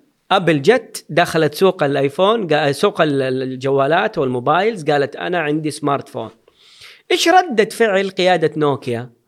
قيادتها. السي أو حقه قال هذا جوال آه، سيكون فقط يحتاجوه رجال الأعمال أغلب الناس والسوق العالم اللي إحنا مسيطرين عليه لن يتأثروا. إيش ردة فعل قيادات سامسونج؟ على طول استجابة وتغيير. الآن مين أكبر منافس لأبل؟ هي سامسونج. طبعا بعد فترة يعني جاء مقطع كذا كان متأثر فيه نوكيا بعد ما خرجت من السوق كلنا كنا زمان نفتخر بجوال نوكيا مع إنه ما في إلا الثعبان الجائع بس اللعبة ها قبل ما تنام تاخذ لك جيم ولا كيف قائد منظمة شركة ناجحة تمتلك أغلب السوق بسبب. تق... يعني قرارات خاطئة استطاع انه إنه يخرج منظمته وشركته إلى مكان عمل، كيف قائد يجي لوزير جديد يجي الوزارة، الوزارة يعني تتحرك وتحقق أهدافها أكثر أسرع من من المستهدفات المحددة لها. فتأثير على المنظمة أول حاجة تحقيق الأهداف وهذا الأهم والنتائج الإيجابية، الشيء الثاني بناء بيئة العمل، مرة مهم. ترى كثير من الناس يستقيل من مديره وبيئة عمله قبل أن يستقيل بسبب راتب أعلى ولا هذا التأثير السلبي. نعم نتكلم عن القائد نعم السلبي. نعم. يعني نتكلم من الجانبين اي الجانبين قد يكون شخص يجي له راتب أعلى لكنه مبسوط في بيئة العمل المنظمة اللي يشتغل فيها يقول لك يا أخي الناس محترمه تعاملك باحترام يا أخي بيئة عمل محفزة آه رئيس المنظمة ولا المسؤول دائما أقابله يسمع معنا كلمات حلوة من فترة لأخرى. فبناء بيئة عمل إيجابية لها دور مرة كبير في وجود القيادات. أيضا نيجي ننزل شوية على مستوى الفريق. لما يكون المدير المباشر. أنا قلت قبل شوية الكلمة مرة مهمة. الموظف يستقيل من المدير السيء وليس من المنظمة. هذه دراسة علمية. طبعا إحنا نسمعها لكن أنا كنت قرأتها مؤخرا آه، لجمعية الإدارة الأمريكية تقول أنه السبب الرئيسي لاستقالات الموظفين حول العالم هو مغادرة الرئيس المباشر. فأنا لما أكون مدير آه، يعني لا أعامل الفريق العملي بشكل ولا أتفهم احتياجاتهم ولا أحفزهم ولا ترى في النهاية لا يعني آه، النجاح الفريق ونجاح المنظمة يعتمد على الأفراد اللي داخلها. فلما المدير والقائد اللي في هذه الإدارة آه، لا يطبق الممارسات القيادية بالشكل الصحيح ترى جالس يخسر. يخسر مواهب تستقيل يخسر نتائج كانت ممكن إيجابية تتحقق للفريق بس بسبب قيادته الغير جيدة أو السيئة لم يحققها. يخسر إنه هو نجاح له على المستوى الشخصي. أنا كقائد لما لما أطبق الممارسات القيادية والأدوار القيادية وأنجح نجاح لي. لما أبني ناس قادة تحتي نجاح لي. وهذه من الأدوار المهمة جزء من التمكين إني امكن ناس وأبني قيادات تحتي أنا بشكل عام. نيجي على مستوى الفرد. أول حاجة مهم جدا كقائد الأشخاص اللي يمتلكوا المهارات القيادية ترى يبني عند الأفراد الولاء والانتماء والرغبة في البقاء ها؟ ولاء انتماء ورغبة في البقاء وأداء. كلها تنتهي بالهمزة ها؟ ولاء انتماء وأداء. وبقاء وأداء. طبعا أكثر شيء يزعج المدراء إنه الفريق ما يشتغل إنه ادائهم منخفض. إنه يا أخي هذا كل شوي ندرب وبعدين يستقيل هذه الأشياء اللي تشغل المنظمات والمدراء بشكل كبير. لما نطبق الأدوار القيادية أنا حافظ عليهم الموظفين المتميزين. أنا أشوف أداء. بقول لك كلمة جميلة تبين لنا على دور القائد على الفرد. من المقولات الجميلة إنه القائد المتميز من هو؟ والمؤثر. اللي يجعل فريق عمله يحقق إنجازات كان يظن كانوا يظنوا أنهم لا يستطيعوا أن يحققوها. انه يكون عندك القدرة إنك تبني ثقة الموظف بنفسه وتقول له إن شاء الله بإذن الله كلنا راح نحقق إنجازات، الموظف يقول لك يا أخي والله ما كنت أتوقع إني أصل لهذا المستوى. يفجر طاقات جدا جدا يا أخي وسبحان الله قد يكون شخص موهوب يروح لمنظمة ما ويجي له مدير قل لي إيش سويت اليوم. نهاية اليوم أرسل لي تقرير إيش سويت كل اللي سويته. والمراقبة وال وال والتسلط بشكل مرة كبير لدرجة إنه هذا يقول لك يا أبويا يعني أسوي أبذل أقل جهد. بقول لك قصة وممكن نختم فيها لقاءنا كنت ألقي دورة وإحنا بنقدم يعني في في في في بنقدم برامج مختلفة متنوعة لتطوير القيادات والمفاهيم القيادية العامة والنماذج القيادية. يحكيني كنا كنا نلقي برنامج عن الثقة. والثقة اسمه أساس القيادة ولأحد الهيئات الحكومية. فجاني واحد إيش يقول لي كنت أتكلم على كيف بناء ثقه القائد في الفريق اللي تحته يقول لي أنا كنت أشتغل سكرتير أكتب خطابات. كان عندي المدير أصلا أول ما أجي هو فك القلم الأحمر. إي والله يقول أول ما أحط الخطاب لازم يطلع خطأ. يعدل لازم يطلع خطأ. فيقول أنا صرت إيش أسوي مع مرور الوقت؟ صرت أول سطرين أحط فيها كذا كم خطأ.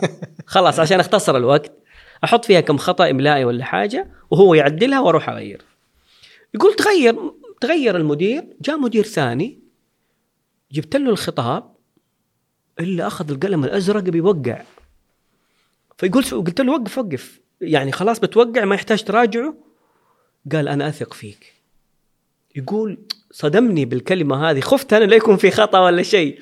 يقول والله هالموظف ويحكي عن نفسه.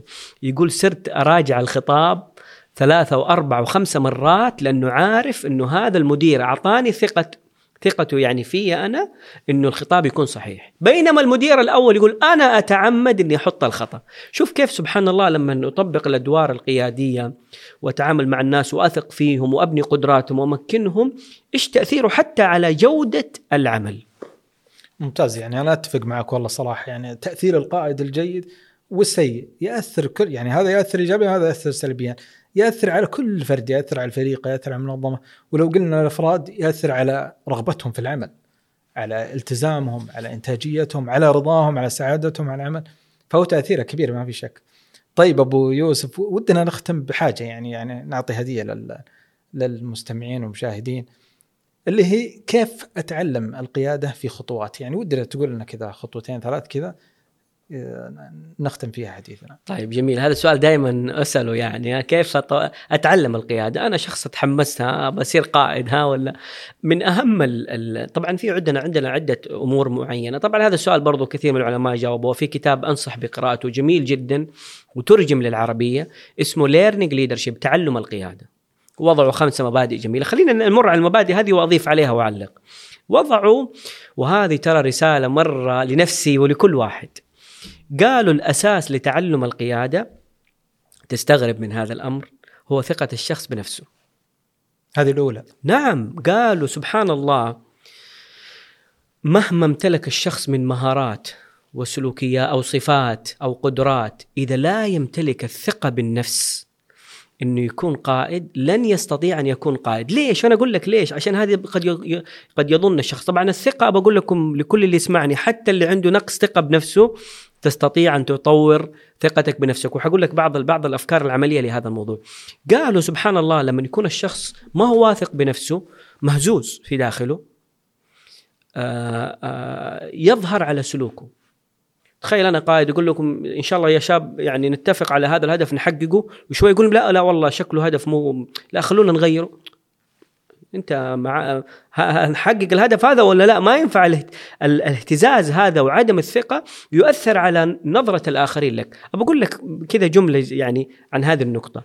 إن الصورة التي ترى بها نفسك تؤثر على نظرة الآخرين لك وعلى حتى حياتك كلها. فأهم مبدأ نقول لأي واحد لازم تثي- تصير واثق من نفسك. ممتاز هذا الأول. طب بقول حاجة بس. كيف كيف أزيد ثقتي بنفسي؟ واحد يقول لك يا أخي أنا أشعر إني كذا مرتبك في داخلي. طبعا طبيعي بالذات الموظف الجديد دائما يكون عنده هذا الشعور ثقته بنفسه أقل. عشان كذا نقول للقادة عززوا ثقتهم بأنفسهم. آه، من أهم الوسائل اللي هو إني أتعرف على مهاراتي وقدراتي، أعرف ما هي نقاط قوتي، ممكن أسوي مقياس، ممكن أسأل الناس القريبين، آه، أسوي اختبارات الشخصية هذه اللي تكتشف لي ما هي نقاط قوتي، التعرف على الذات ونقاط القوة والمهارات اللي أمتلكها ترى تساعدني إني أثق إنه أنا في أشياء أتميز فيها زي أي واحد. مشكلة ال- المهتز الثقة بنفسه إنه يشعر إنه هو أقل من الآخرين، إنه يشعر إنه أي كلمة يقولها ممكن الناس تقيمه في موضوع تقي- تقييم الآخرين له وإنه لا يمتلك هذه الصفات والمهارات، فنقول الخطوة الأولى والدرجة الأولى لتعلم القيادة هي الثقة بالنفس. ممتاز الثاني الثاني أن تمارس القيادة. كيف يعني؟ نقول دائما مهم قبل أن تصل إلى منصب قيادي إنك تمارس القيادة. فنصيحتي للطلاب والطالبات في الجامعة اللي يسمعوني اللي ما هو في منصب قيادي الآن حاول تدخل نفسك في أي تجربة عمل تطوعي عمل أنشطة أي حاجة إنك تمارس القيادة. ترى تكتشف إنه الكلام النظري الحلو اللي نقوله إحنا ترى لما تيجي تطبقه في تحديات. آه، فأنا أقول دائما سبحان الله بقول لك بس مثال جميل. آه، الأشخاص اللي اللي دخلوا في أنشطة تطوعية أو أندية طلابية في الجامعة. سبحان الله ترى نلاحظهم دائما. زم... أنا عندي أنا كنت في جامعة الملك عبد العزيز مسؤول عن نادي القيادة. الشباب اللي كانوا ماسكين النادي ودخلوا في النادي وانطلقوا الآن ما شاء الله كلهم ناجحين في أعمالهم ومنطلقين. وسبحان الله كيف ممارسة القيادة في فترة لما مسك منصب قيادي ينطلق فيه بشكل مرة كبير. قدر المستطاع حاول أن تطبق القيادة وتمارسها بشكل غير رسمي مع فرق عمل تطوعية، مع أنشطة، مع أندية، أي مكان. نقطة أخرى وبرضه نقول إنه آه إن هذه الثالثة. هذه الثانية أيوه الثانية، الثالثة إنك أنت مهم إنك يكون لك قدوات تتعلم منهم. أشخاص تستشيرهم. أشخاص آه، تقول له والله أنا سويت في التصرف. ممكن يكون كوتش ها؟ كوتش ترجع له تسأله آه، تسمع منه آه، طبعا الكوتش بس يسألك هو لكن إحنا نقول خبير شخص أكثر منك خبرة وتثق فيه إنه هو يكون صادق معك يوجهك يعني موجه نعم منتور خبير يعني موجه بشكل كبير. هذا له دور أيضا في موضوع بعض الأحيان سبحان الله إحنا يعني آه، تجينا كلمة من شخص خارجي يشوفني ويشوف تصرفاتي يقول لي ترى محمد أنت الشغلة الفلانية انتبه لها. أنا ما ما تقع ما تقع في اهتمامي. أيضا من من النقاط المهمة اللي اللي لها دور في تطوير المهارات القيادية التطوير القيادي. التطوير القيادي دخول برامج تطويرية نوعية في تطوير مهارات القيادة. أيضا قراءة الكتب والتطوير المستمر هذا له دور في فهمي للقيادة. وحلا أنا ملاحظ أنا أصلا في البرامج التدريبية انه الناس فهمها للقيادة مختلف فلما أفهم القيادة بالشكل الصحيح العلمي اللي مبني على ممارسات صحيحة أنا أحاول أن أتعلم أقرأ قصص يعني وهذا وهذا ممكن حتى نعتبرها نقطة خامسة إني إني دائما أحاول إني أكون طموح في تطبيقي للممارسات القيادية من خلال قراءة تجارب الشركات الناجحة. تجارب الشخصيات العظيمة اللي مرت علينا في حياتنا وتاريخنا كيف بدأوا كيف آه، يعني اس- استمروا كيف حققوا النجاحات. لما أقرأ سير الطامحين هذولا ترى ينبني في داخلي حماس ورغبة إني اصير زيهم وإن شاء الله أفضل منهم. ممتاز. يعني أنا ممكن أضيف برضو أنا يعني نقطتين.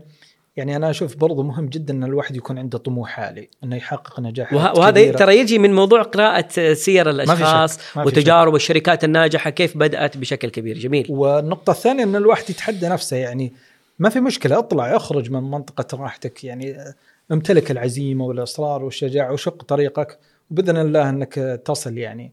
شكرا لك أبو يوسف حلقة ممتعة ومفيدة وثرية. وسعدت والله وتشرفت باستضافتك وإن شاء الله لنا حلقات بعد قادمة. وشكرا لكم مستمعين ومستمعات ومشاهدين ومشاهدات ونلقاكم إن شاء الله في الحلقات القادمة. السلام عليكم ورحمة الله. بودكاست رحلة القيادة يقدم لكم برعاية حلول تطوير القيادات ليدكس نقدم لكم برامج نوعية لتطوير قدراتكم القيادية.